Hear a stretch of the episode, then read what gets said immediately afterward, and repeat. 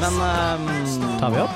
er, vi er, ja, altså, vi ruller. Wow! Vi uh, Hei, velkommen til uh, da, altså, dagens storsalspodd. -hmm. Avdeling onsdagsdebatt. Ja, En egen liten subredaksjon i Storsalspodden-redaksjonen med de samme medlemmene. Som gjør akkurat det samme tingen. Ja. Uh, på nesten helt likt eh, vis. Mhm. Men med et helt annet innhold, da. If it works, don't fix it. Jeg heter Andreas eh, Aaberg Eide, jeg er alltid med. Jeg heter Jonas Strømskeie. Jeg er også alltid med. Og jeg heter Rebekka, og jeg er gjest. Ja. Fantastisk. Og hva er din rolle på Samfunnet? Jeg er med i debattkomiteen, Ja. um, og vi lager debatter hver onsdag. Aha. Og denne onsdagen som var nå, så hadde du ansvaret for ordstyringen på debatten. Det er sant. Da var jeg ordstyrer for eh, debatten feminisme eller feminisje. Feminisje. Hva legger dere i den uh, tittelen der? Eller hva er, hva, er det, hva er spørsmålet, egentlig? Det spørs Altså, hva vi legger i liksom feminisje, er jo um, Det er på en måte uh, Begrunnelsen for hele debatten Mm. var jo Vi har feminisme, men hva er egentlig feminisme? Ja. Hva, hva folk definerer som feminisme, varer veldig fra person til person. Mm. Um, og vi har jo feministorganisasjoner, men hva de mener er feministisk, er jo veldig varierende. Da. Så Mm. da det, liksom det, det var egentlig det det gikk litt ut på, da, var um, Altså, er det bare sånn ulike nisjer innenfor feminisme? Ja. Eller er det, finnes det en universell feminisme, da? Ja. Det er et godt og viktig spørsmål, eh, vil jeg si. Jeg kaller meg jo selv feminist, jeg, hvis noen spør. Men eh, jeg må jo innrømme Ja, det er ikke sant. Det gjør jeg jo. Men jeg må jo innrømme at jeg vet jo ikke 100% av hva som ligger i det. Hva har du skrevet under på? Hva jeg har skrevet under Med på. din muntlige samtykke med at du er som feminist, på et vis? Ja, jeg, rimelig, jeg føler meg rimelig sikker på at jeg ikke har skrevet under på noe grusomt. Nei. Eh, Det tror jeg ikke. Neida. Men fortsatt et godt og viktig spørsmål. Ikke sant?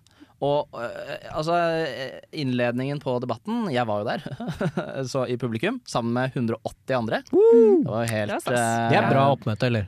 Eh, Det er eh, topp, altså. Det, Altså Det er å snu folk i døra-oppmøte, så det var Ja. jo helt fantastisk. Det var veldig kult å være der. Men mm. da, da ble det spurt hvem i denne salen er feminister. Og Rakte salen hånden. rakk opp hånden. Men jeg kjente liksom sånn det var, Altså Jeg kunne jo ikke ikke rekke opp hånden. Nei. Jeg ville jo ikke bli lynsja heller, på en måte. men, men er det liksom Er det nisje å være feminist? Jeg tenker at eh, Jeg møtte jo opp for å finne ut om jeg er feminist, på et vis, også. Mm. Um, ja. Ja, men da kommer det jo egentlig til den Vi snakket jo om den undersøkelsen, da, fra, det var jo fra 2014. Mm. Men da var det 11% av nordmenn kaller seg selv feminister. Oh, ja. Ja. Så jeg tror at i den salen hadde det nok uansett vært litt sånn overrepresentert. Ja. Eh, og vet ikke Studenter er vel godt representert. Ja, eh, kanskje bedre. Mm. Og Eh, studenter som møter opp på feminismedebatt. Det kan Ja. godt hende. Spesielt, kanskje. Mm. Men er det sånn at 82% av Norges befolkning da aktivt definerer seg selv som ikke-feminister, eller er det bare en god, stor prosentandel som ikke vet hva de Eh, ja, men det er Svarer ja på det, eventuelt. ja, det er det som er interessant. Det, og det er jo skrevet litt mastergrader og sånn om Det har vært lite forskning, men litt sånn mm. eh, ulike sånn Ja, et eller annet sett Noen folk, da. Jeg Ja. tror jeg skal si det, da. Sett Mm. litt på det her. Mm. Eh, og de ser at veldig mange er for eh, likestilling mellom kjønnene og de tingene som man ser ofte Ja. Feminisme blir liksom generelt beskrevet som, men veldig få ønsker å bli kalt feminist. Ja, Så hvis du reduserer det til enkeltsakene, så er de aller fleste mener eh, helt ok ting, mens uh, ismen er det mange som ikke helt uh, tør å bli med på. da. Ja, eller at det er sånn at det er egentlig veldig forskjell på hva på en måte det står der definert i ordbøkene, Ja. og hva Mm. folk føler Mm. det egentlig er. da. Så det er veldig stor avstand. Er det et problem i seg selv, at folk ikke er med på, på, på ismen? Bevegelsen. Ja. Så lenge de stemmer for Altså stemmer for Dette er et gammelt eksempel, da, men så lenge de stemmer for at kvinner skal ha stemmerett i Norge, på en måte, så er det vel ikke så viktig at de går i feministtog. Mm. Nei, jeg veit ikke. Jeg vet ikke. Det er jo forskjell, altså Sverige hadde jo mye høyere, 47% bare. Så det er jo Ja, spørre okay. hva er forskjellen, og hvorfor har vi så dårlig bilde av hva det er å være en feminist i Norge, da. Mm. Så det er jo det store spørsmålet der. Men så blir det også litt sånn Ja, at folk legger så mye i det, da. Er det, er det så bra? At folk, har, at folk har så negativ oppfatning? Ja. Er jo på en måte sånn Ja. Mm. Du sa jo at det er litt forskjellige nisjer innad i dette um, feminismemylderet av feminisme. Uh, og to av de var representert på Mhm. debatten. Hvem, uh, hvem var det? Vi hadde en som var eh, radikal feminist, som heter Sylvi Dubvik, og er leder for kvinnegruppa Ottar i Trøndelag. Mm. Og så hadde vi også med oss Sara Gaulin, som er daglig leder i eh, likestilling, inkludering og mangfold, og spaltist i Nettavisen. Ja. Mm. Og Sara er jo ja, det vi kalte for en altså jeg holdt på å si på bakrommet da, for en religiøs feminist. Ja. Men eh, det kom jo mest frem i starten, for da spurte vi jo er du feminist og hvorfor. Og da så vi at de to um, innlederne hadde veldig ulike svar på hvorfor de var feminister. Skal vi høre hva, hva som kom fram i løpet av den første lille snaue timen med debatt? Kan vi ikke det, da? Jeg tenker vi kan starte med deg, Sylvi. Tusen takk for det, og tusen takk for invitasjonen. Det var jo utrolig mye folk. Hvor mange her eh, er feminister? Så bra! Kjempebra. Em, jeg kommer jo fra kvinnegruppa Ottar, som er en radikalfeministisk organisasjon. Eh, som jobber for å forandre kjønns sosiale betydning. For når kvinner tjener mindre enn menn, menn eier mindre enn menn og har lavere representasjon enn menn innenfor viktige samfunnsområder som i lederstillinger, lederverv i media, så skyldes ikke det tilfeldigheter. Og det er heller ikke tilfeldig at vold i nære relasjoner rammer kvinner hardest, at kvinnehelse nedprioriteres, eller at det er kvinnekroppen som blir objektivert gjennom porno og prostitusjon. Og årsaken er kjønnsmaktstrukturer. Løsninga er for det første at vi blir bevisst og synliggjør hvordan kjønn og makt henger sammen, og at vi organiserer oss, at vi står sammen og jobbe for politiske endringer. Det er liten vits i å være feminist alene. Forandring får vi til i fellesskap. Ja, Veldig det bra. var egentlig det. Tusen takk. Yes. Mitt navn er Sara Gaulin. Jeg er, eh, jeg er født i Iran. Jeg er et barn og et resultat av tvangsekteskap og barneekteskap. Eh, min mor har jeg og min mor har opprinnelse fra Iran, og jeg er Jeg har kjent på kroppen det med å eh, ikke ha samme rettigheter som eh, mottatt kjønn. De fleste søskenbarna mine var gutter. Dette her endret seg jo drastisk da jeg kom til Norge, men jeg ser fortsatt Og jeg ville jo faktisk ikke erkjenne at vi hadde så mye likestilling eller feministiske problemer i Norge eh, før for noen år siden.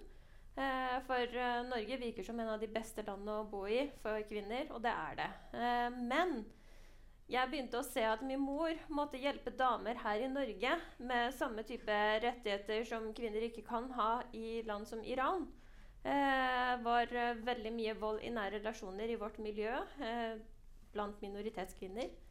Eh, vi så kvinner som ble presset til å gå etter visse ko- klesplagg. Eh, ikke vise for mye syn, eh, vise mye hud. Ikke få lov til å jobbe for man kan ha mannlige kollegaer og diverse ting. Og det gjorde at eh, jeg ble jeg ble sint. Jeg ble, følte en urettferdighet, for jeg trodde man kunne bli ferdig med de problemene når man eh, bodde i Iran. Og når man kommer til Norge, så skal man alle ha de samme rettighetene. Men så feil kunne jeg ta. Jeg vokste opp på Søndre Nordstrand i nærheten av Holmlia, der jeg så at mine venninner hadde veldig mye mer begrensninger enn øh, deres brødre eller det jeg hadde. Og det gjorde meg bevisst på at den likestillingskampen, den man har kommet langt på veldig mange områder, men spesielt for jenter med minoritetsbakgrunn eh, så har man en lang vei å gå. og Det ser man også på rapporter som direktoratet IMDi eh, skriver hvert år. Da, kommer, eh, da tar man kontakt med en minoritetsrådgiver som forteller at eh, man er utsatt for negativ sosial kontroll, æreskulturelle saker og slike ting. Så det er de sakene jeg jobber med i min organisasjon som heter LIM likestilling, integrering og mangfold. Tusen takk. Takk.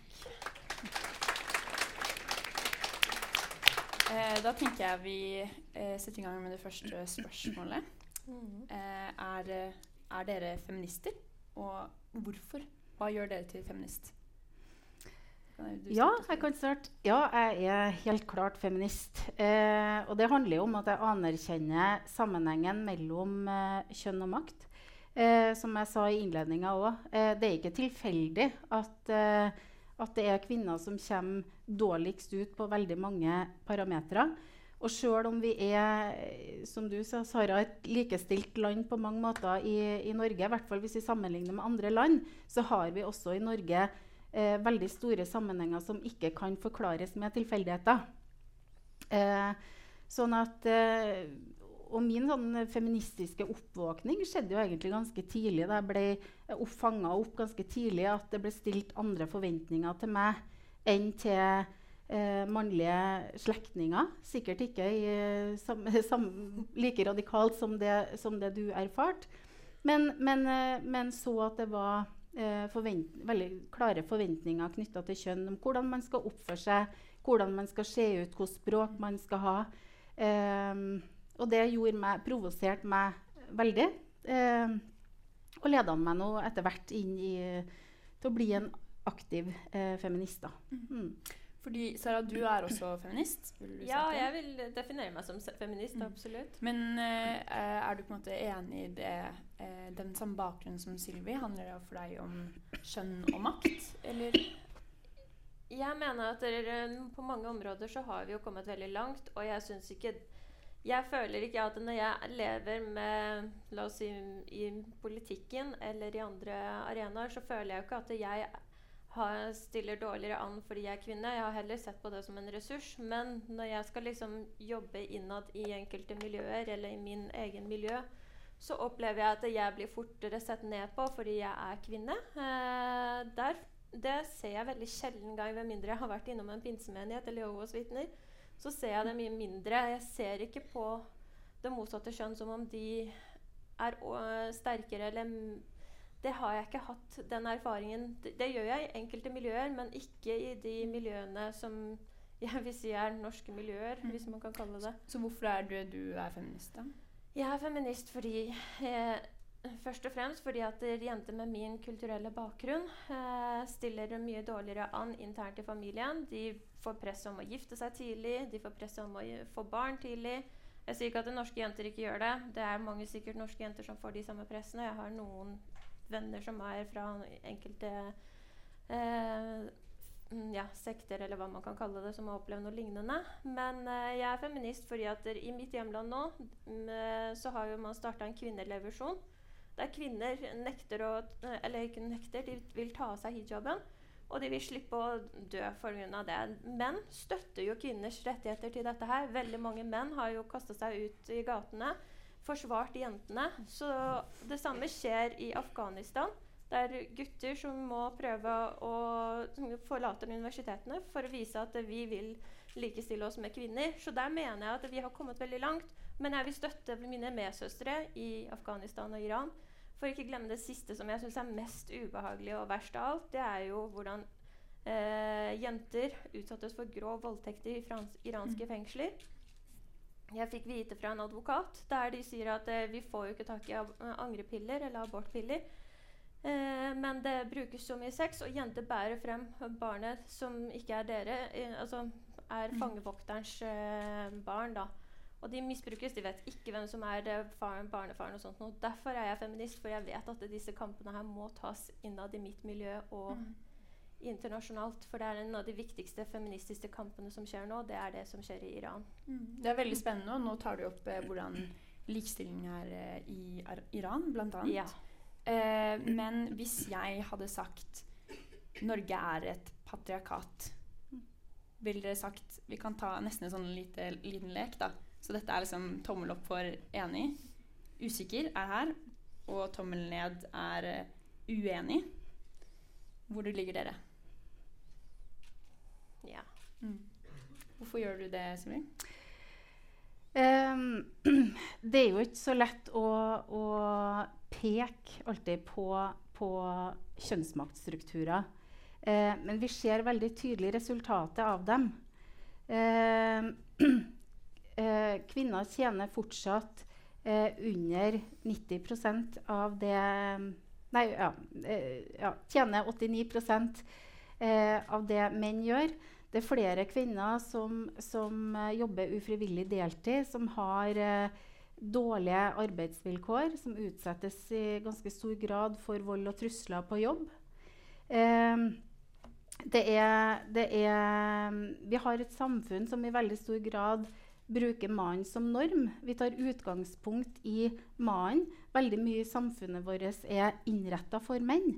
Eh, og det er derfor kvinnehelse er blitt såpass nedprioritert som det har blitt. Og det er egentlig det, i den senere tida at vi har blitt klar over at eh, helseutfordringer kan fortone seg ganske ulikt mellom kvinner og menn. At man må ha en kjønnsdimensjon også på det her med helse. Eh, Mm. ja. Ja. Eh, Sara, du var ikke helt eh, enig i den påstanden jeg kom med. Eh, nei. Det, det er jo veldig veldig mye forskjellige ting som medfører at uh, menn og kvinner enten har forskjellig lønn. Det kommer an på hvilket yrke man jobber i. Uh, men samtidig så handler det også om hvor mye vi har skapt inkludering og muligheter for at nå som jenter tar mer realfag, så begynner det å bli mer inkludering på de arbeidsplassene som gjør at mange kvinner tjener Cirka. Jeg, vet, jeg har ikke alle tallene for Tekna, men uh, det er veldig mange steder der kvinner gjør det veldig bra og begynner å tjene i enkelte bransjer like mye som menn. Men så har du også som i enkelte andre bransjer der kvinner tjener mye mindre. Men det gjør også Det er en del barrierer som gjør at vi kvinner blir eh, vi, får, vi har fødselspermisjoner, vi har, eh, en, noen har mer sykdommer eh, som gjør Eller at mange kvinner blir den som blir værende hjemme med sykt barn istedenfor at mannen skal være hjemme med sykt barn. Det tror jeg jeg har sett på veldig mange arbeidsplasser. Så er det stort sett kona som blir hjemme, og ikke med mannen.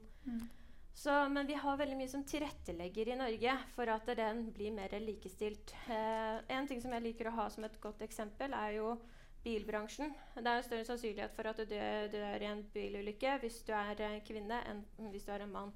Men så fort man begynte å skape mer mangfold og inkludering i bilbransjen, mer kvinner begynte å si at det, det bilbeltet den er ikke egnet for kvinner, den er mer egnet for menn, så begynte man å bli over, øh, øh, ikke overbevist, men øh, de ble reflektert over dette her. Og nå begynner man å se om kanskje man bør ha flere typer bilseter som gjør Eller en annen type bilsete som gjør at eh, kvinner ikke dør øyeblikkelig i en bilulykke, mens menn ville klart seg bedre. Så jeg tror det er en lang vei å gå, men jeg opplever ikke Norge som det landet som Ja, fordi hvis uh, det landet du nevnte tidligere, altså Iran Mange vil jo kalle det et pat eh, patriarki. Ja, Kan det man- er ekte patriarki. Ja. Kan man likestille det med Norge? Hva tenker du for at begge to er patriarki? Kan man likestille det? Jeg tenker ikke at det er patriarkat på samme måte på noe som helst vis. Eh, altså, jeg tenker Situasjonen i Iran er det som skjer i eh, Afghanistan og en del andre land, er jo liksom ekst, virkelig ekstremvarianten av, eh, av patriarkatet. Eh, men at vi har de samme samfunnsstrukturene, ikke i, i samme grad, men at de finnes også i det norske samfunnet, det, det mener jeg. Eh, ja. Mm. Det er jo et godt spørsmål. Og eh, em, ja, feminismen handler jo om å skape likestilling, ikke sant? Og du nevnte jo at det er jo bedre her i Norge. Mm. Men en undersøkelse fra 2014 viser at kun 11% av nordmenn vil kalle seg selv feminister. Eh, til sammenligning så hadde Sverige en 47% oppslutning på samme undersøkelse. Dette er jo en liten stund tilbake, da, men hvorfor tror du at den oppslutningen er så lav? Når, eh, for et land som Norge, da, hvor jeg antar at det er veldig mange som støtter likestilling, Mm. hvorfor tror du det er så få som ønsker å kalle seg for feminister? Du kan starte, Sara.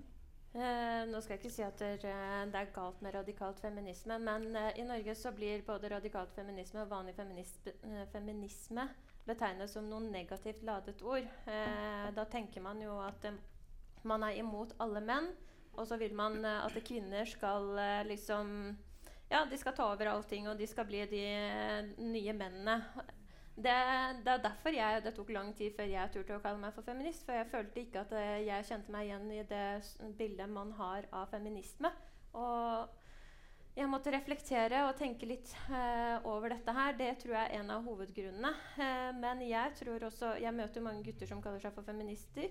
Eh, men det skyldes av helt andre årsaker. De vet jo om enkelte ting som er eh, annerledes. Eh, la oss si at deres søster fikk andre muligheter enn det de fikk. eh, så de kaller seg for feminister. Eh, det er derfor jeg tror mange ser litt på dette her som noe veldig radikalt og noe veldig negativt ladet ord. Men så kan man også se i Frankrike Jeg har en veldig god venn som er familievenn av meg. Jeg har vokst opp med henne.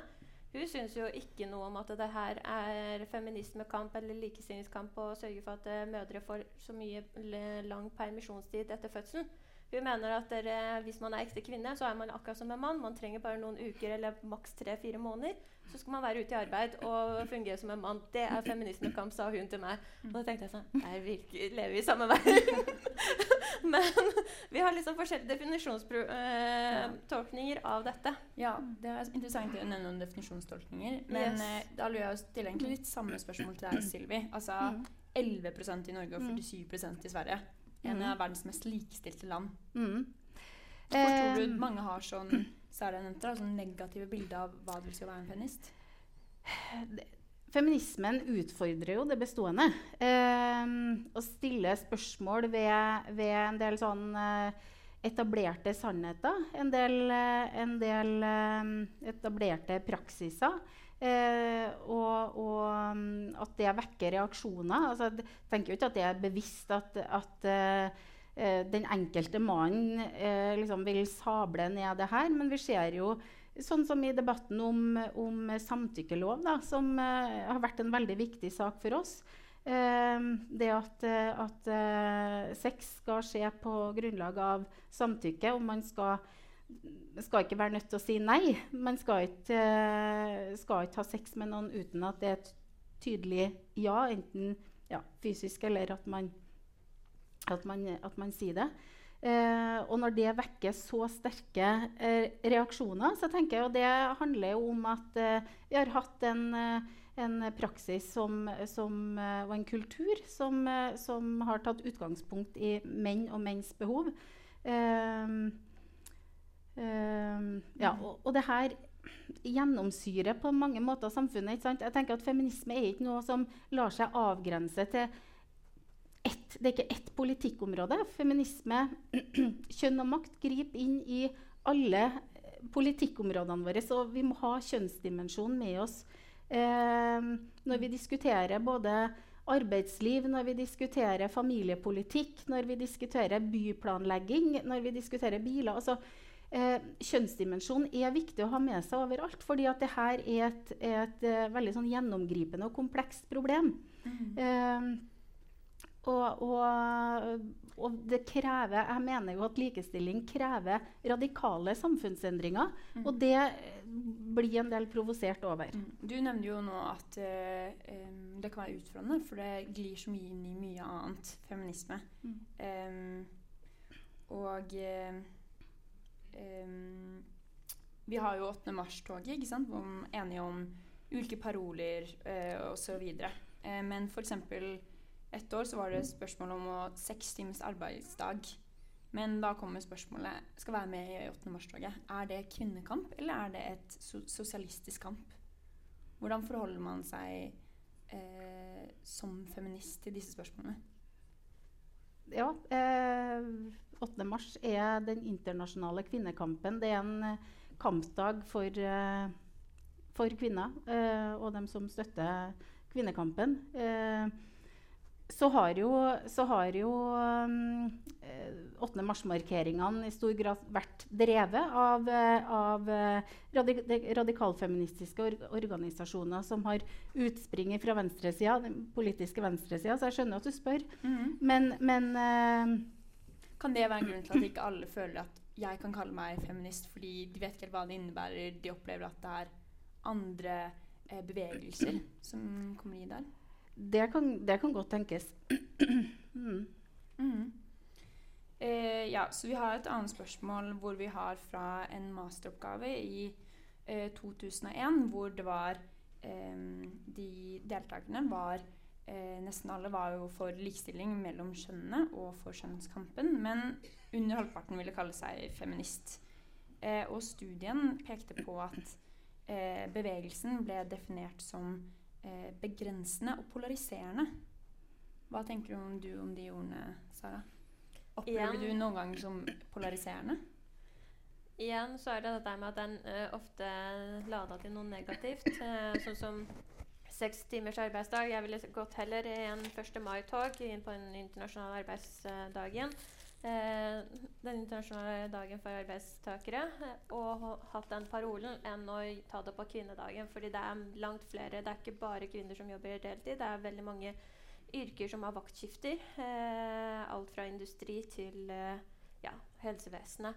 Eh, men eh, jeg, jeg tror vi har kommet til det nivået her i Norge at vi har kommet veldig langt med likestilling igjen. Men det vi ser er en utfordring, er at veldig mange gutter og menn føler seg kanskje neglisjert i samfunnet, hvis jeg kan ta det som et ord. da.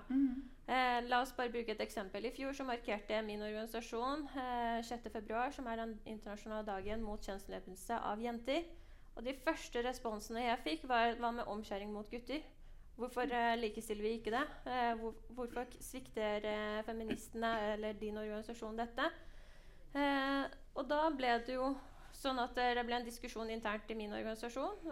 Ja, jeg vet at det her er rituell og religiøs og alt dette her, men vi måtte ta det opp internt. Og det var flere som mente av gutta at det er så typisk at man når det gjelder en kvinnelig kjønnsorgan, så er det alvorlig, men når det gjelder en gutt eller mannlig kjønnsorgan, så er det ikke like alvorlig.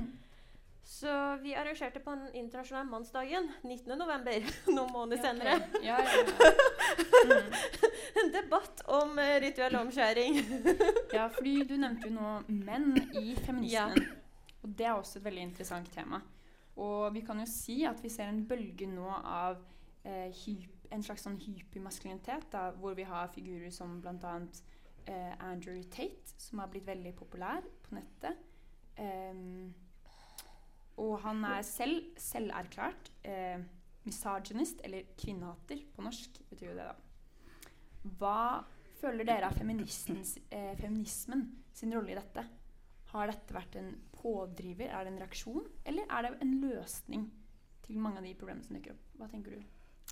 Eh, det er godt mulig at, det- at eh, Ja, at det er en reaksjon på, på feminisme. Eh, eh, syns jo det er veldig bekymringsfullt, her, eh, den, her, eh, den her tendensen her. Eh, så tror jeg jo òg at eh, vi har fått et ganske sånn medieskapt bilde da, av at gutter og menn er tapere. Jeg må jo bare få understreke at, det, at um, det handler jo ikke om å ikke anerkjenne at gutter og menn har utfordringer. Eh, altså, jeg er både mor til en gutt og jeg gift med en mann. liksom i hele tatt. Men, men eh, feminisme handler om veien til å et få et likestilt samfunn for alle kvinner. Eh, og så vi, har vi fått et veldig sånn medieskapt bilde som sagt, av at gutter taper. Eh, de taper på skole. Det er en, en fortelling vi ofte får. Eh, fakta er jo at det er flere kvinner som kun har grunnskoleutdanning, enn menn. Eh, situasjonen er den at gutter og menn klarer seg med, med mindre utdanning enn det kvinner gjør. Fordi de tjener bedre uansett. Eh, eh, Men er, er feminismen også for mennene? Vil det føre til at menn også får det bedre i dagens samfunn? til en viss grad. Altså, det er jo ikke, eh, mannskampen er ikke, det er ikke det vi bruker våre krefter på. Eh, men det er heller ikke sånn at vi på noe som helst vis prøver å bekjempe menn. Og jeg tenker jo at kvinnekampen har eh, Menn høster veldig mye godt av kvinnekampen. F.eks. med det at vi har fått, eh, fått eh, fødsel, eller svangerskapspermisjon også for Nei, det ikke svangerskap, fødselsper... Nei, hva heter det? Foreldrepenger. Foreldrepermisjon. Eh, også for menn. Eh, ved at vi har fått en, en sterk offentlig velferdsstat som ivaretar både kvinner og menn. Eh, det at menn blir akseptert og anerkjent som en like naturlig omsorgsperson for unger som kvinner. Og det her er jo tenker jeg, goder som, som kvinne, kvinneaktivister har kjempa frem, Mm. og som menn høster like mye godt av som, som kvinner. Men Og, ja. ja, forstår du at kanskje for noen så virker det provoserende hvis dere sier at Norge er et eh, patriarkat samfunn, når folk opplever det som eh, likestilt, og til og med at noen menn ja, gjør det dårlig på skolen, sånt, at det oppleves litt provoserende da, for noen. Nei, jeg gjør ikke det. eh, jeg tenker Vi er så langt ifra et likestilt samfunn også i Norge. Og det å sette ord på det, at det her er fortsatt et, et uh, alvorlig samfunnsproblem som vi må jobbe med uh, på et samfunnsnivå, det tenker jeg er mm, jeg, for, jeg, for, jeg strever med å forstå at det skal, skal provosere. Mm. For du har jo um, feminis, altså feminismen som jobber for kvinne, kvinnene, men og da, som du nevnte, mann, eh, mannsbevegelsen. Hvorfor kunne vi ikke hatt en likekjønnet bevegelse, altså som jobber med liksom, begge kjønn og likestilling med den? Hvorfor kan man ikke ha det? Jeg tenker vi er for langt altså I mange saker så kan vi jo jobbe sammen og har samme mål. Eh, grunnen til at vi trenger kvinnebevegelsen, er jo at vi fortsatt har veldig store forskjeller, sjøl i Norge, som er et av verdens mest likestilte land. Eh, så har vi store forskjeller som handler om kjønn. Jeg vet ikke, Det er jo ganske mange kvinner som er her. Hvor mange av dere har kjent på en frykt når dere har gått ut på kvelden alene? Rekk opp hånda. Ja, ikke sant? Veldig, veldig mange eh, rekker opp hånda. Dette handler jo om at man i egenskap av å være kvinne opplever seg utsatt, har en begrensa frihet. Og det er det her Så lenge man går og kjenner at man er utsatt fordi man er kvinne, så er vi faktisk langt ifra likestilling. 90% av dem som, som anmelder voldtekt, er kvinner. 98% av dem som voldtar, er menn. Eh, så dette er et kjempealvorlig problem eh, som, som, som, begrenser liksom, friheten og livet til, til, eh, til kvinner. Og da er klart at her, da er maktubalansen mellom kvinner og menn kjempestor. Det skulle ikke ha vært sånn. Sara, hva tenker du? Uh, hvis vi går tilbake til Ander Tate-spørsmålet, uh, så så jeg på noen av de videoene han har lagt ut i det siste Først nå ser jeg de gamle videoene hans. Og det virker som om han har funnet en uh, nisje med å gå imot alt som er politisk korrekt i dagens samfunn. Og det gjør jo dessverre veldig veldig mange. Noen ganger fordi de har litt rett. De er litt lei av det samfunnet vi lever i. Men det handler ikke alltid eh, om at man er eh, imot det ene og det andre. Jeg syns ikke han er en så veldig bra fyr. I hvert fall ikke det han har sikta for nå, hvis det stemmer. Eh, nå er ingen dømt før eh, man Men- har vært gjennom rettsprosessene. Men jeg tror eh, Ja. du Hvorfor tror du han er så altså, Det kan du si om han er en bra fyr eller ikke, men hvorfor Han har jo absolutt fått enorm popularitet. Det kan jo hende at det er fordi folk er uenige, men Noen hvorfor tror du det er så mange som lytter på han? Noen trenger å kjenne seg igjen i noe. Man trenger en rollemodell. Noen er litt sårbare, for man finner ikke sin plass i samfunnet. Og Der kan man komme tilbake til hvorfor vi har en kvinneorganisasjon og kanskje en organisasjon for menn. Vi har en organisasjon for en mannsforum eh, som jobber for veldig mange typer rettigheter for menn også. Eh, det er jo fordi at man trenger å kjenne seg igjen i noe. Det, jeg snakket jo med faktisk en som jobber med kriminalitetsforebyggende, og hun sa jo en av grunnene til at gutter havner oftere fortere i kriminaliteten, er jo fordi at de mangler rollemodeller fra de er små. Går de i barnehagen, så er alle barnehagetanter kvinner. Nå har det blitt mer menn der, men før så var det bare kvinner. Går du på skolen, så er de fleste lærerne dine kvinner. Du mangler en mannlig rollemodell hele veien, så når du endelig finner en mannlig rollemodell, uansett hvor ekstrem han kan være, eller hvor bra han kan være, så vil du prøve å ligne mest mulig på han. Eh, og Ander Tate har jo klart å ta verden på forskjellige måter med å ta opp en del ting som han syns eh, og, og så er dette her med kulturforskjeller. Det må man også ta med. Eh, I min kultur så er det faktisk sånn at der, eh, det damer tjener, det beholder hun. det mannen tjener, det skal gå til å forsørge familien. Det er veldig lite likestilling i min eh, si, opprinnelseskultur. Eh, det er også sånn dette her med at der, eh, kvinner forlanger at skal, mannen skal kjøpe hus til henne, kjøpe bil til henne. Eh, jeg har hatt disse diskusjonene med noen av arabiske venninnene mine som eh, forventer å ha nesten en sugar daddy når de er eh, sammen med en mann. eh, at han skal forsørge henne, og hun kan ha en jobb og hun kan tjene pengene sine. Men det går bare til henne. Og det ser de på som feminisme, de òg. Eh, og det er det idealet som Andrew Tate også løfter. Hæ? Ville du sagt at det er å være feminist? Hvis hun kaller det feminisme, så uh, får det være hennes feministiske verden. Jeg syns ikke det er, fordi det er veldig urettferdig for mannen, som skal forsørge henne og forsørge liksom, livsstilen hennes og seg sjøl og familien. Det syns jeg ikke er likestilt i det hele tatt. Men Andrew Tate har jo også brygget på den teorien om at eh, damer skal være som en diamant, eh, nesten. Eh, han skal skjemme bort kona si eller den fremtidige kona si og sånne ting. Og det syns jeg er veldig feil bilde å lage. Også, han, ikke, han gir ikke det beste bildet på hvordan et Ja, han, eh, har jo gjort litt narr av skandinaviske kvinner, da. På at de sier at de kan betale for regninga sjøl. Eller splitte regninga. Som enkelte andre på TikTok også gjør litt narr av, da. Så, men den feministiske spørsmålet den er liksom forskjellig betinget fra land til land. Eh, men igjen så mener jeg jo at feminisme har kommet litt lengre. Mye lengre. Vi er en av de mest likestilte landene. Og en ting vi må ta tilbake, er at eh, mitt land, Iran, var mye mer likestilte enn Norge faktisk før revolusjonen og islamistene kom og tok over. På hvilken måte da? Eh, vi fikk faktisk eh, allmenn stemmerett mellom menn og kvinner eh, ca. tre år før Norge. I, en- eh, hvis, jeg tar, eh, hvis jeg skulle sjekke, så var det ca. 19... Nei, ja, 1909 så tror jeg det var da Iran fikk eh, allmenn stemmerett. Det er ca. tre eller fire år før Norge. Eh, kvinner gikk på universitetet, had, eh, drev sin egen business. Det gjør de fortsatt i dag. Men problemet er at de er ansvar, avhengig av å ha en mannlig verge. Eh, som må godkjenne alt de gjør, og hvor enn de er. Det skjer i fleste land i Midtøsten. Som begrenser kvinners rettigheter, begrenser friheten vår. Og mulighetene. Sånn som Den verste kommentaren jeg fikk når jeg begynte å skrive om Iran-situasjonen i Nettavisen, var jo at ja, men kan ikke de damene bare reise fra et så, li eh, så dårlig land?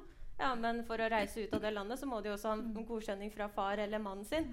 Så det er ikke så enkelt å bare forlate det landet. Og du får ikke asylen din godkjent hvis du bare sier at nei, jeg ville bare ikke ha en mannlig verge. Ja, fordi det du nevner jo nå, er jo eh, det vi ser eh, som har skjedd i Iran fra eh, november i høst.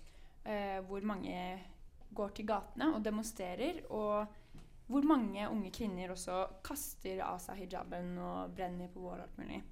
Eh, er det undertrykkende å gå med en hijab? I min tolkning så mener jeg at du underkaster deg noe når du velger å ta på deg hijab. Eh, men noen kan også mene å si at du underkaster deg også noe eh, din verdighet hvis du går i bikini òg. Eh, men der mener jeg at du en, ting er greit at du dekker deg til hvis du går i Guds hus. Tar på deg litt lengre T-skjorte eller noe sånt noe. Men å begynne å dekke over håret mitt eh, for noen andre enn meg sjøl, det syns jeg blir litt rart. Personlig så mener jeg at man må ha en aldersgrense, fordi det er, det, det er mye ting som involverer eh, i å begynne å dekke seg til for religion eller for en mann. Eh, der mener jo min organisasjon bl.a. at en aldersgrense burde være en, en ting man kan ha. For jeg møter veldig mange jenter som sier at de vil ikke ha den på seg. De vet ikke hvorfor de har den på seg. Men eh, de blir presset av familien, og de blir kontrollert. Sjekket av eh, familiemedlemmer hvor enn de går hen. Om de har den på seg riktig, om de tar den av seg og alt dette her. Og det syns jeg er veldig ugreit. Og da er det veldig paradoks for meg som ser at man driver og krangler i Norge om at vi skal ikke sette jenter og gutter i blå og rosa farge. For det eh, setter dem i kjønnsroller. Men det er helt greit at vi setter minoritetsjenter i en eh, hijab og sier at eh, ja, hun må finne seg i det. Hun er en jente, og hun kommer fra en muslimsk familie. Eh, Og jentene sier jo ofte til meg at hadde Norge hatt en eller annen regel, så hadde foreldrene mine lytta til det. For de lytter til myndighetene, men de lytter jo ikke til mine Ja. eh, ønsker. Fordi i Iran så var det jo påbud med Ja. hijab. Og det har vi jo ikke altså, fra statlig eller juridisk i Norge. Eh, noen, f.eks. sånn Sumaya Ali, mener jo at for henne så er hijaben det er en markering av selvstendighet og kulturell tilhørighet. Eh, men andre mener at, eh, sånn som du nevnte, da, hvor det var kvinner som kommer til deg og sier at 'jeg skulle ønske noen sa ifra fordi at eh, jeg syns det er vanskelig å si ifra til min egen familie'. Hva tenker du om det å gå med hijab i Norge, Sylvi? Er det liksom Er det en form for underkastelse som man ikke vet om, eller er det liksom frigjørende å ta det valget? Jeg syns det er et vanskelig spørsmål, egentlig. Ehm, vi, tenk, vi, vi ser jo på hijab som et eh, I utgangspunktet da, et symbol på, på underkastelse for menn. Men så eh, Altså at kvinner underkaster seg mannen. Og, og så er jeg veldig med på, du, altså på det du sier at det kan òg handle om identitet. Og, og det at man skal være forsiktig med å, å altså vi, vi har ikke uh, regler for bekledning. Eh, for voksne. Altså, For til barn er det greit. Ja. Mm. Eh, voksne kan ta sine egne valg. Det er akkurat som du velger sjøl hva du vil praktisere i sexlivet Mm. ditt. Så tenker jeg at du velger hva du vil praktisere, om du vil dekke deg til som Jehovas vitner eller som nonne eller med hijab. Det er helt greit når du er en voksen person. Eh, og hvis du syns det er en del av identiteten din, det respekterer jeg. Men når du pålegger barn til å gjøre det, så blir det veldig det, det kan jeg ikke være med å støtte. Men blir det ikke feil å si at det er feministisk å bestemme hva eh, kvinner eller jenter skal og skal ikke gå med? Det er akkurat det motsatte, vil jeg si. Hvorfor skal det gjelde bare det ene kjønnet? Hvorfor skal det ikke gjelde begge kjønnene? Så jeg vil si at det er det motsatte av feministene da. Og spesielt når det kommer til å begrense For det jeg får også vite, sånn som nå er nærmer seg skoleleirsesongen Jeg skrev i fjor, akkurat nå sommer skoleleirperioden begynner i vårperioden, når du går i sånn syvende trinn, så er det samtlige barn, og stort sett jenter med hijab, som eh, lærerne får lese i loggbøkene deres, som sier at de kommer mest sannsynlig ikke til å få lov til å gå på sommerleir, fordi foreldrene liker ikke at de skal være et sted med motsatt kjønn. Men det er ikke sånn at de sover med motsatt kjønn. Det er jo egne uh, avdelinger for gutter og jenter, men fortsatt så godtar ikke foreldrene deres det. Og jeg har blitt kontaktet av rektorer, lærere og andre helsesøstre som er bekymra. Og de ser en ting som går igjen. Det er jo stort sett de jentene med hijab som uh, mister muligheten til å gå på skoleleir. Og de har skrevet så triste loggbøker som sier hvor urettferdig dette her er. Men uh, du snakket jo om det med å ha forbud Ja. for barn. Jeg vil ikke kalle det for forbud, men noen kaller det for forbud. Det er helt greit å kalle det, for, uh, kalle hva du vil, men jeg tenker at det må være en aldersgrense. Akkurat som det er en aldersgrense for å ta piercing, uh, tatovering, uh, alt dette her, så mener jeg at det bør være en aldersgrense også på religiøse plagg. Og da gjelder det ikke bare hijaben, da gjelder alle andre typer ting. Og rituell omskjæring tenker vi også er en aldersgrense greit å ha. I Norge så sier tro- og livssynsloven at du i en alder av 15 år, når du skal begynne å konfirmere deg, så Men er f.eks. en kippa på gutter greit da, eller hva, hvordan er det? Det er jo en underkastelse for Gud, det å gå med det. Der mener jeg også igjen at det, det gjelder jøder også. Hvis de vil ø, omskjære barna sine, så mener jeg at man bør vente til de kan samtykke til å velge sin egen religion. Eh, hva du gjør i Guds hus, det er helt greit, for da er du bare i Guds hus. Men det du må liksom leve med i hele i hverdagen din, der er, vel, der er vi veldig skeptiske, for vi ser at det hindrer eh, unge og leve livet sine fulle. Fordi det vi snakker mye om nå, er jo også eh, symbolikker. ikke sant? Når de snakker om hva hijaben Det er jo ikke det at den faktisk eh, gjør noe med deg fysisk, men det er jo hva det symboliserer. Eh, og symboli eh, symbolikker har blitt brukt tidligere i kvinnekamp, f.eks. Eh, ja, om man barberer armhulene sine, eller om man går med hijab, eller om man bruker sminke eller ikke. Hva liksom, hva er symbolikken i kvinnekampen, og det, har det egentlig noe å si? Ja, til deg, Sylvi. Ja, eh, hva tenker du på konkret? Ja, for for eksempel da, var det å kaste BH vekk, og ikke, Ja. at det var et symbol på å være feminist og på kvinnekampen. Men hvor viktig er egentlig symbolikken, da, på en måte? Eh, vi er mer opptatt av politikken enn symbolikken. Eh, vi har ingen eh, uniformering av, eh, av gode feminister eller, eh, eller, eh, eller noe som helst. Og det er jo det her tenker, Det er kanskje litt mer sånn klisjeer som blir brukt, heller enn det feminister faktisk er opptatt av. Vi er opptatt av samfunnsstrukturer som hindrer å skape Som er en barriere for kvinner. Eh, som, som eh, eh, hindrer kvinner fra å leve det livet de ønsker, eller som legger noen føringer for hvordan kvinner skal leve livet sitt. Eh, og det er det som er viktig, og ikke hvorvidt man eh, har eh, naturlig hårvekst under armene eller ikke. Ja. Mm. Hva med f.eks. Det kvinnehelsehuset, eller kvinneklinikken, da, som mm. dere kanskje kjenner til til i høst? Eh, hvor de egentlig driver med plastisk kirurgier osv. Føler dere at dette er noe problem i kvinnekampen? At det mener jeg jo er et, ja. er et problem. Eh, og det handler jo om at eh, eh, at man har noen forventninger til det å være kvinne eh, som gjør at man skal underkaste altså et, eh, en skjønnhetsindustri som, som, driver en veldig aggressiv markedsføring, eh, og som, og som eh, presser kvinner til å gjøre inngrep på seg sjøl. Eh, ja. Og det handler jo om at, om at eh, hvilke forventninger altså Det at kvinner skal være tilgjengelige og, og se flott ut og hovedsak ta seg bra ut for menn. Eh, og, at det, og, at det, gjøres en ja, stor business ut av det. Mm. Det er jeg jo veldig kritisk til. Eh, ikke, jeg mener ikke at vi skal ha noe altså, Jeg har ikke sagt noe om noe forbud mot Restylane eller noe som helst, men, men at eh, eh, denne trenden med at, eh, at, kvinner er nødt til å forandre på utseendet sitt, og at man gjør eh, eh, at man har en stor industri som presser kvinner og unge jenter å skape liksom, ja, misnøye med eget utseende, det er, vi, er jeg og Ottar kritisk til. Mm. Ja. ja. Jeg, eh, altså, den kvinneklinikken, helt utrolig hvor mye den oppmerksomhet den fikk. Men jeg mener jo egentlig Det vi så, var det tre kvinner som var med å starte den så, fordi de er litt opptatt av å være, eh, se ut som, som de gjør, og det er ikke noe galt i det.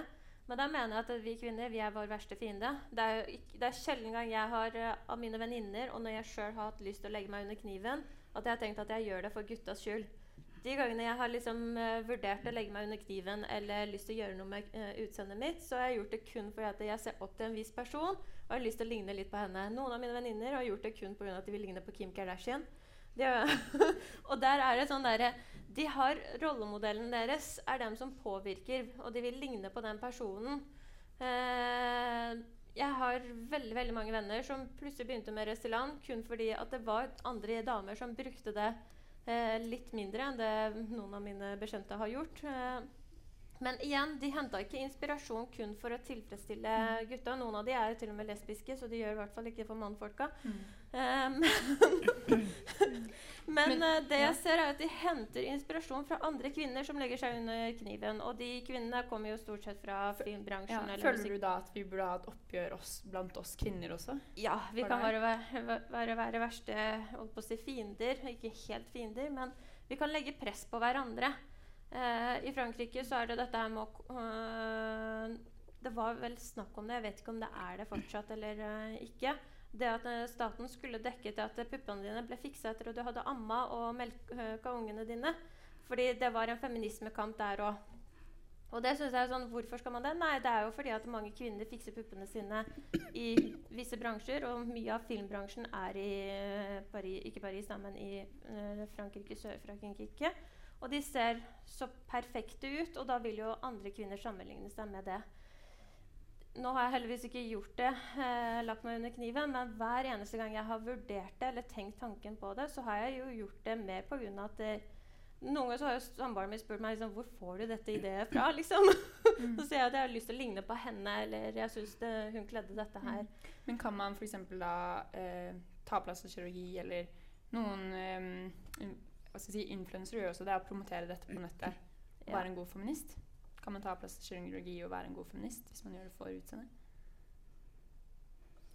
Altså, Feminisme handler igjen om ideologi og dine saker. Eh, hvordan du ser ut, avgjør ikke om uh, du er mindre opptatt av en sak. Eh, Kim Kardashian kan være verdens største feminist. Tviler ikke at hun er det, men hun kan være det, selv om uh, hun mest sannsynlig må resirkuleres en dag fordi hun er så full av plastikk.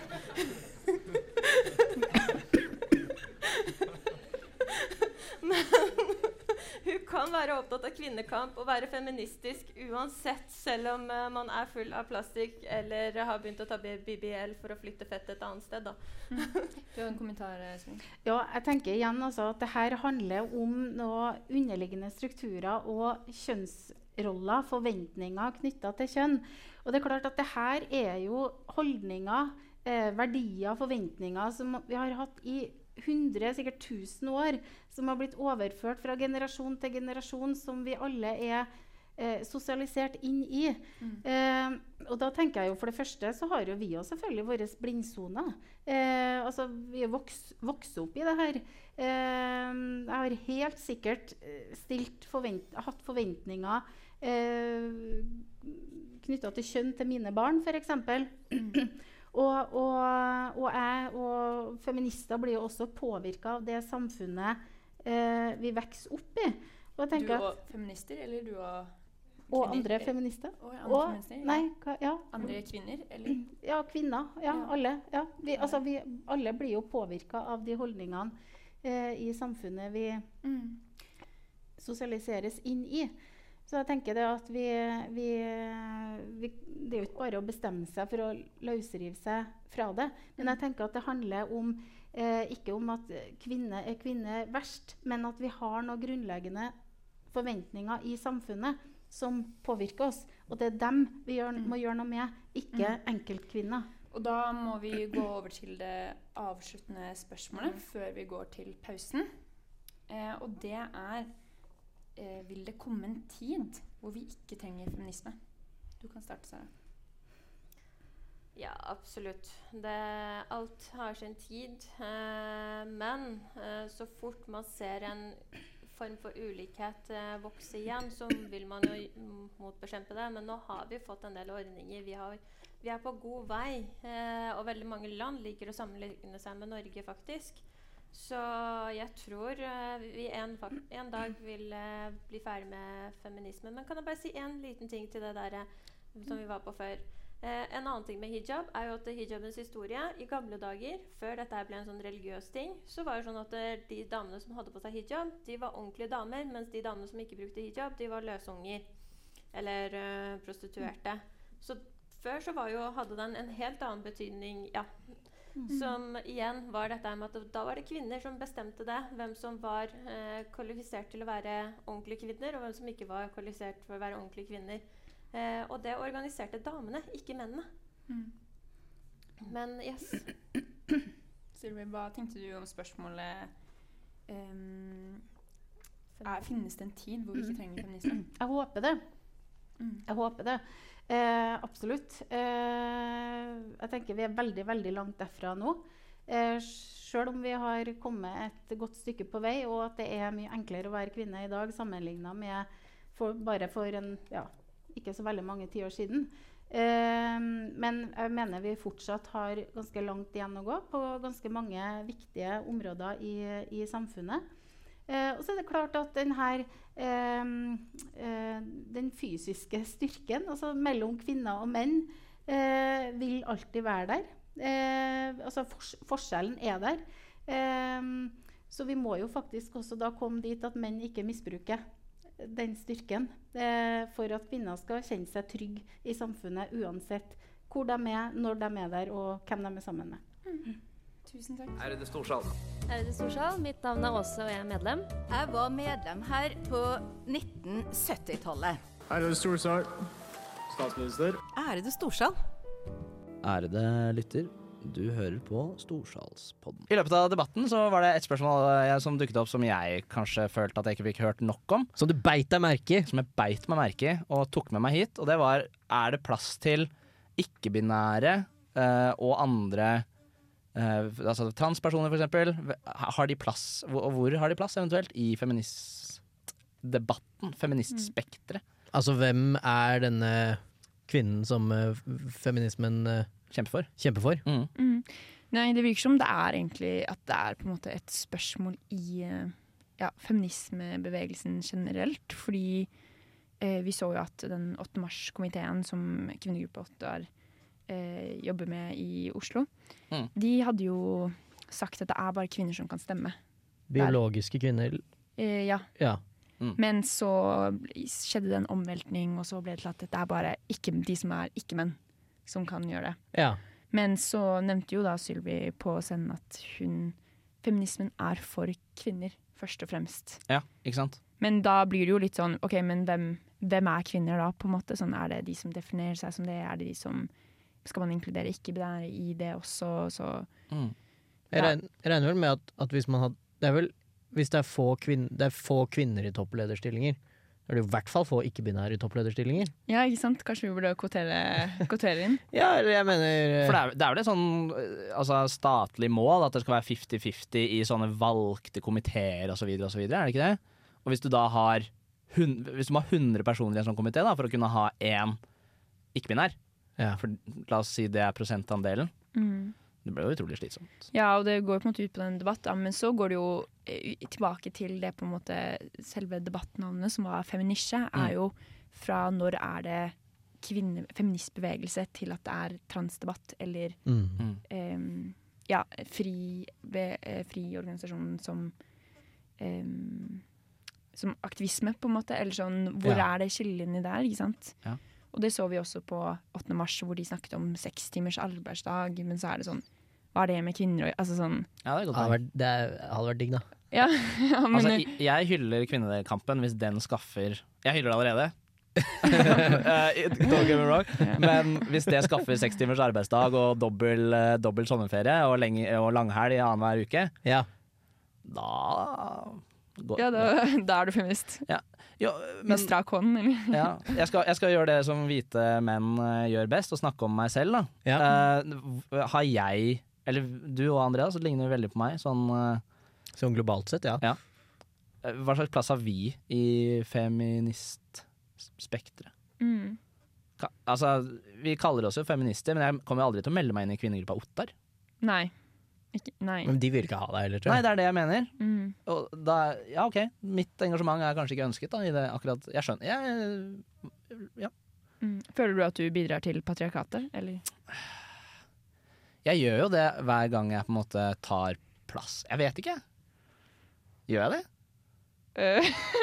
Ja, men kanskje Men det er jo, ikke sant, det er jo Ja. sånn spørsmål hun Ja, Sylvi tar opp, da, om eh, patriarkatet og så videre, men eh, så er det jo litt sånn ehm, I hvilken grad skal det her være for å sørge for at kvinner ikke blir diskriminert, enn at det viktigste er at uh, Altså sånn, sånn som den 8. mars-komiteen, da. At Mm. det er ikke menn. Det blir sånn det sk Altså sånn uh, Dette er jo en bevegelse som skal på en måte lønne seg for Alle? ja, begge Ja. to, da. Så Ja. på en måte Det er jo kamper som uh, Som for eksempel det med eh, permisjon, fødsel Altså bar permisjon og barneplass og ting som på en måte er for menn, som også lønner seg for kvinner. Da. Så det blir Ja. litt sånn surr hvis man skal på en måte dissekere det ene kjønnet helt bort, Mm. da. Fullstendig. Ja.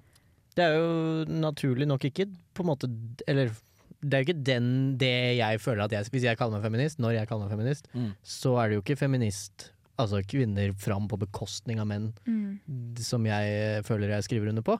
Jeg tenker jo at alle skal behandles likt, og jeg har ikke tenkt så mye dypere enn som så, kanskje. Mm. Men, men, men så er jo det på en måte det, er jo, det vi snakker om, er jo likestillingskamp. Mm. Mm.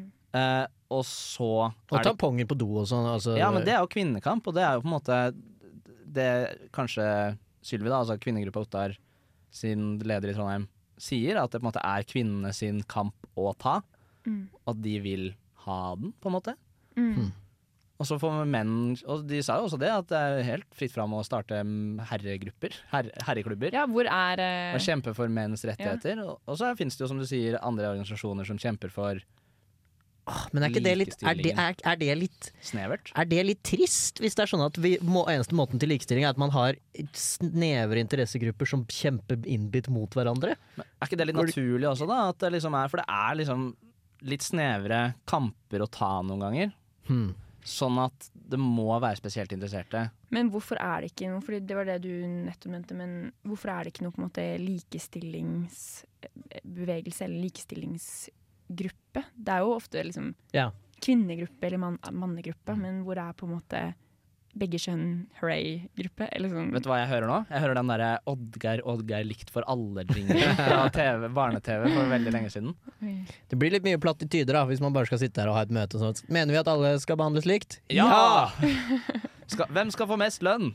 Alle! Men det er jo kanskje det den stille majoriteten mener, da. Ja, Kanskje det er derfor de rett og slett bare 11 kaller seg for feminister? Ja. Mm. Men jeg tror det er bra vi har de innbitte krigerne også som står og drar i en retning. Enig. Det tror jeg. Hvis ikke så kommer vi ingen vei. Hvis ikke så kommer vi ingen vei. Antageligvis ikke. Jeg tror, jeg tror ja, Si en eller annen snever kvinnekamp da, som er åpenbart bra, men som jeg på en måte aldri hadde gått ut og brukt hundrevis av timer på. Ja, tamponger på do, da. Altså, jeg, jeg bryr meg jo ikke, på en måte. Det er hver, Mm. hver tamponger på do det er kjempebra, det. Mm. Jeg gidder ikke å bruke masse tid på å skaffe tamponger på do. Men så er det jo på en måte det å kunne være litt eh, Å ha et bevisst for Altså sånn Man ser jo det som skjer i Iran og så videre, hvor man ser at oi, dette er faktisk et relevant tema. Abs dette ja, ja, ja. Ja, ja. Å ta stilling til, da. Så eh, kanskje man skal på en måte ta Feministbevegelsen i Norge skal kanskje ta litt selvkritikk på det. Er man inkluderende? Er man åpen? Den har, Hvordan lærer vi på en måte det er vel utvilsomt et slags omdømmeproblem der, da. Hvis 82 ikke Mhm. kan kalle seg feminister. Og på en måte kanskje er- erkjenne at ja, innad i feminismebevegelsen er det ting vi er, er, er det ting vi diskuterer og er på en måte uenige med hverandre i. Og jeg Mm. opplever kanskje det er noe av problemet er at man ikke vil erkjenne det helt, på en måte, da. Ja. um, ja, en slags sånn åpenhet om Ja. Så det blir liksom veldig høye stemmer som skriker ut, og dette er det som er å være feminist, og sånn definerer jeg det, og derfor er det slik, på en måte. Ja. Mm. Ja, det blir vel utvils... Eller det er kanskje vanskelig å unngå at det blir nisjete hvis, hvis det er en veldig lang liste med vedtekter som man er forventa at man skal kunne utenat. Mm. Er det urimelig å forvente at hele Norges befolkning skal pugge alle de greiene der? Jeg veit ikke. Ja, For å kunne ta på seg en sånn eh, knagg som feminist, tenker du? Ja, nei, jeg veit ikke. jeg, jeg tenker kanskje ikke det, det er kanskje ikke urimelig dersom du skal melde deg inn i en forening og være med liksom i brytningen. Si, si kvinnegruppa Ottar, da. Mm. Da burde du kanskje være relativt enig med det meste av de tingene de står for. Ja. Mm. Og det de på en måte har som Det er jo ikke, det er jo ikke uvanlig at grupper har eh, kriterier for å være med i den gruppen. Mm. Altså Studentersamfunnet i Trondheim, du må være student. Det er ikke verre enn det, på en måte. Mm. Ja, Man stemmer jo på politiske partier uten å kunne eller nødvendigvis støtte alle punktene i partiprogrammet. Men da melder du deg ikke inn. Nei, men du stemmer på dem, da. Ja, det er sant. Mm. Nei, skal vi ikke la det her skli helt ut? eh, Det tror jeg allerede allerede har skjedd. Ja, det har kanskje skjedd. Men uh, skal, vi, skal vi si uh, at Storsalspodden er feminister? Skal vi, skal vi ende på det? Ja, ja, ja, ja. Skal vi ikke det? Jeg tenker Det er fornuftig, det. Rebekka, er du feminist? Ja. Det, ser du? Det, det blir nesten sånn at man må tvinge folk litt til å liksom være Ja. noen ganger. Men jeg følte at jeg måtte ta et litt sånn oppgjør med meg selv. For jeg Ja. tror jeg bare før Altså dette er jo litt en stund siden da, hvor jeg på en måte ikke tenkte på meg som feminist. Fordi Mm. hva innebærer det, hva betyr det, må jeg ut og brenne BH-er? Hva, altså, hva, Ja. Mm. hva er det, på en måte? Og så kanskje man kan gå bare tilbake til en, en liten sånn standard basic definisjon, og så kan man gå videre med det, da. Men at ja, At du har grunnpilaren i bånn. mm, i bånn. En Dobbel eh, hva, er det, å- ja, liksom, hva er det å være student? Liksom, er det, må, jeg ha, liksom, må jeg være på skolen åtte til fire hver dag? Og være fyllesyk hver eneste dag i tillegg. Ja, Mm. ikke sant? Eller Spør meg om jeg er feminist, da. Andreas, er du feminist? Ja! Ok, Spør meg om jeg er feminist, da. Jonas, er du feminist? Ja Jeg er jo det, men la oss prate ti minutter til om det. Eller så kan vi jo rappe opp denne, denne nydelige sendingen. Fortsett om, praten eh, med de du bor med. Det kan du gjøre. Ja. Og mm. svar på undersøkelsen neste gang det blir spurt er nordmenn feminister. Ja. Fortsett praten med de du bor med. Dra på neste onsdagsdebatt. Hva er temaet der? Hva er temaet der? Det er um, oppholdstillatelse. Mm. Mm. Spennende. Burde Hvem alle, skal inn, er jo spørsmålet. burde alle få oppholdstillatelse, Andreas? Om alle burde få oppholdstillatelse? Ja. Alle? Mm. Nei. Bare feminister, eller? Bare feminister. Bare damer. Der har, der har vi eh, Storsalspoddens eh, offisielle mening. Bare kvinner burde få oppholdstillatelse. Uh, takk for at du kom, Rebekka. Tusen takk. Takk for at eh, du kom igjen, eh, Andreas. Tusen, tusen takk. Takk for at jeg var her, eh, Jonas. Tusen, tusen takk. Bare hyggelig. Eh, og så høres vi ved neste korsvei. Snakkes!